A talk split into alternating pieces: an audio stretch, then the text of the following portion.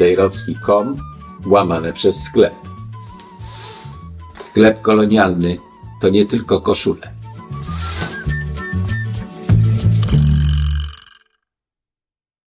Jedną kartkę sobie zlikwiduję, jak, jak wygłoszę moje tematy. E, To będą dla pani niespodzianki być może. Otóż napisałem sobie wojna. E, Kilkakrotnie na kartce i wojna. E, Chiński e, taki samolot do ataków, myśliwiec, o, fighter. E, Chiński myśliwiec zbliżył się do amerykańskiego bombowca. Bombowiec B-52, s- stara, wielka maszyna, ogromna. Chiński myśliwiec, czyli mała, sprawna rybka, która szybko zmienia kierunki, zbliżył się na odległość 3 metrów w locie, w powietrzu, przy dużych prędkościach. Oba te samoloty poruszają się z dużymi prędkościami. Bombowiec B-52 dużo wolniej, tamten dużo szybciej, ale to, że on dużo szybciej, to tak jakby pani samochodem wyścigowym z bardzo dużą prędkością przejechała 30 centymetrów od rowerzysty. Czyli było duże ryzyko jakiejś katastrofy. Mm, Tak, może się pani omsknąć o, o pół milimetra rączka na kierownicy i ten rowerzysta będzie rozwalony razem z pani wyścigówką. To taka sytuacja była. I teraz z bardzo dużą prędkością chiński e, wojskowy myśliwiec przeleciał z premedytacją. Podleciał na 3 metry w powietrzu z dużą prędkością do amerykańskiego bombowca. To są testy. E, Co nam zrobicie? E, Moim zdaniem to już to, jest, to nawet nie są przygrywki, tylko to już sygnały są, że mamy wojnę. No jeszcze nie zaczęliśmy może strzelać bezpośrednio Amerykanie do Chińczyków i na odwrót, ale mamy sytuację wojenną, bo takich rzeczy normalnie się nie robi. I potem pyskówka w mediach, bo Amerykanie powiedzieli, będziemy latać nad Morzem Południowochińskim, bo to są wody międzynarodowe.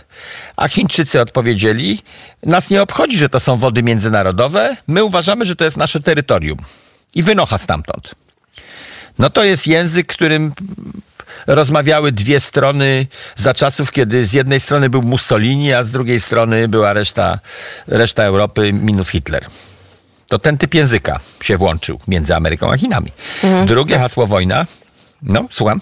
Nie, proszę, bo tylko po prostu w jednym z naszych tematów ja, ja też wrzu- wrzuciłam kwestię e, Nikaragui i tutaj e, też taka ciekawa informacja. Mój znajomy, który prowadzi takie studio Tres por Tres i zajmuje się Ameryką Łacińską, właśnie przekazał, że e, w, w Nikaragui Ortega zaproponował taki, taką współpracę militarną między innymi Rosji, właśnie Chinom, a także e, chyba jeszcze Iran się tam pojawił i Kuba, i aby jego kraj był pewną taką trampoliną, czyli no, ziemia po prostu Nikaragui, aby była dostępna e, i mogła być wykorzystywana do ataków na Stany Zjednoczone w przypadku dużej eskalacji, a to jest jeszcze ciekawe, że, mm, e, że tam na terenie Nikaragui znajdują się między innymi rosyjskie bazy e, szpiegowskie, no i też Chiny, kiedyś rozmawialiśmy o wpływach chińskich w Ameryce Łacińskiej, e, już od wielu lat też tam są, więc to taki dodatek, kiedy naprawdę mówimy o przygotowaniach być może do, do, do no, jakichś zamieszek już na całym świecie w kontekście rywalizacji amerykańsko-chińskiej. to jest też tak, tak. To jest też e, taka ciekawostka. To jest budowanie przyczółków, y, baz wojskowych, lądowisk, portów i tak dalej.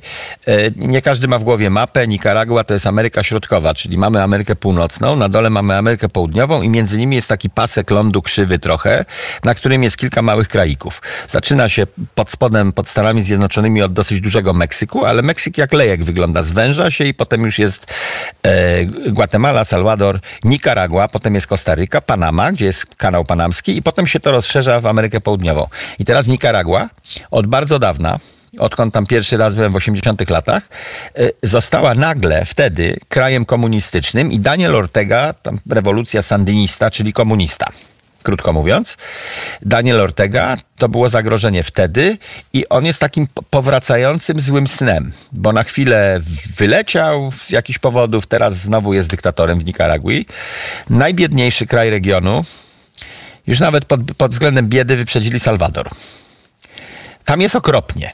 Jak się jedzie z północy na południe i przejeżdża się przy Nikaraguę, to człowiek chce przejechać jak najszybciej autobusem, bo tam nie ma żadnego powodu, żeby się zatrzymać, a jest tysiąc powodów, żeby się nie zatrzymywać. Jest bieda, niebezpieczeństwo, mogą cię okraść z głodu zwykłego, zrabować cię mogą. Autobusy, które jadą do Kosztaryki y, z turystami, one się zatrzymują w strzeżonych fortecach autobus po przekroczeniu granicy jedzie i ma ochroniarzy na pokładzie i wjeżdża na dworzec autobusowy, który wygląda jak forteca. Dla tych autobusów tylko on jest.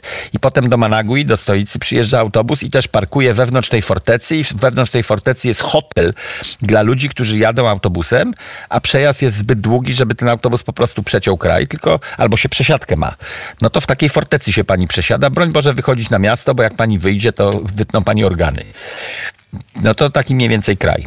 I w tym kraju zaczęła się walka ze wszystkimi możliwymi organizacjami pozarządowymi. No, dyktatura na tym polega, że nie znosi takich organizacji, które nie są zależne od rządu.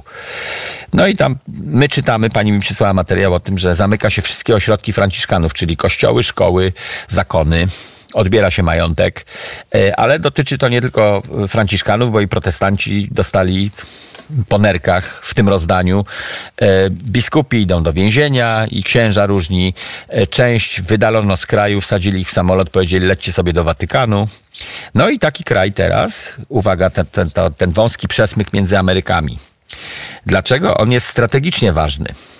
Kanał Panamski to możemy wiedzieć, że leży między dwoma oceanami, ale powyżej jest Kostaryka, taki rodzaj Szwajcarii w Ameryce Środkowej. Ona też ma dostęp do obu stron świata, do Pacyfiku i do Atlantyku przez Morze Karaibskie. Nikaragua podobnie. Te kraje leżą w takim miejscu, na którym zależy i Chińczykom, i Rosjanom. I był też taki plan w przeszłości, żeby kanał obecnie panamski był kopany przez Nikaraguę. To jest wąski kraj. Amerykanie chcieli sobie skrócić drogę z Florydy do Kalifornii poprzez Nikaraguę. No więc strategicznie to jest bardzo ważny kawałek ziemi. Ten kraj jest bardzo biedny i Daniel Ortega sobie wymyślił, że ponieważ ja jestem komunista, to mogę zarobić dużo pieniędzy i utrzymać się przy władzy, handlując tym moim terytorium w taki sposób, że wy, Ruscy i wy, Chińczycy, potrzebujecie jakiś pomost, żeby okrążyć Amerykę. To Nikaragua będzie waszym lądowym pomostem. Skończyłem. Dziękuję. To było bardzo, bardzo e, ciekawe. Nawet mi pan to wytłumaczył e, nieco lepiej. No teraz pytanie, co zrobi z tym Ameryka i czy w ogóle zrobi cokolwiek? Nic. Od dawna nic Ameryka nie robi z Nikaraguą. E, ostatnie ruchy jakieś to Ronald Reagan robił kiedy próbował, było Iran-Kontras, była taka afera.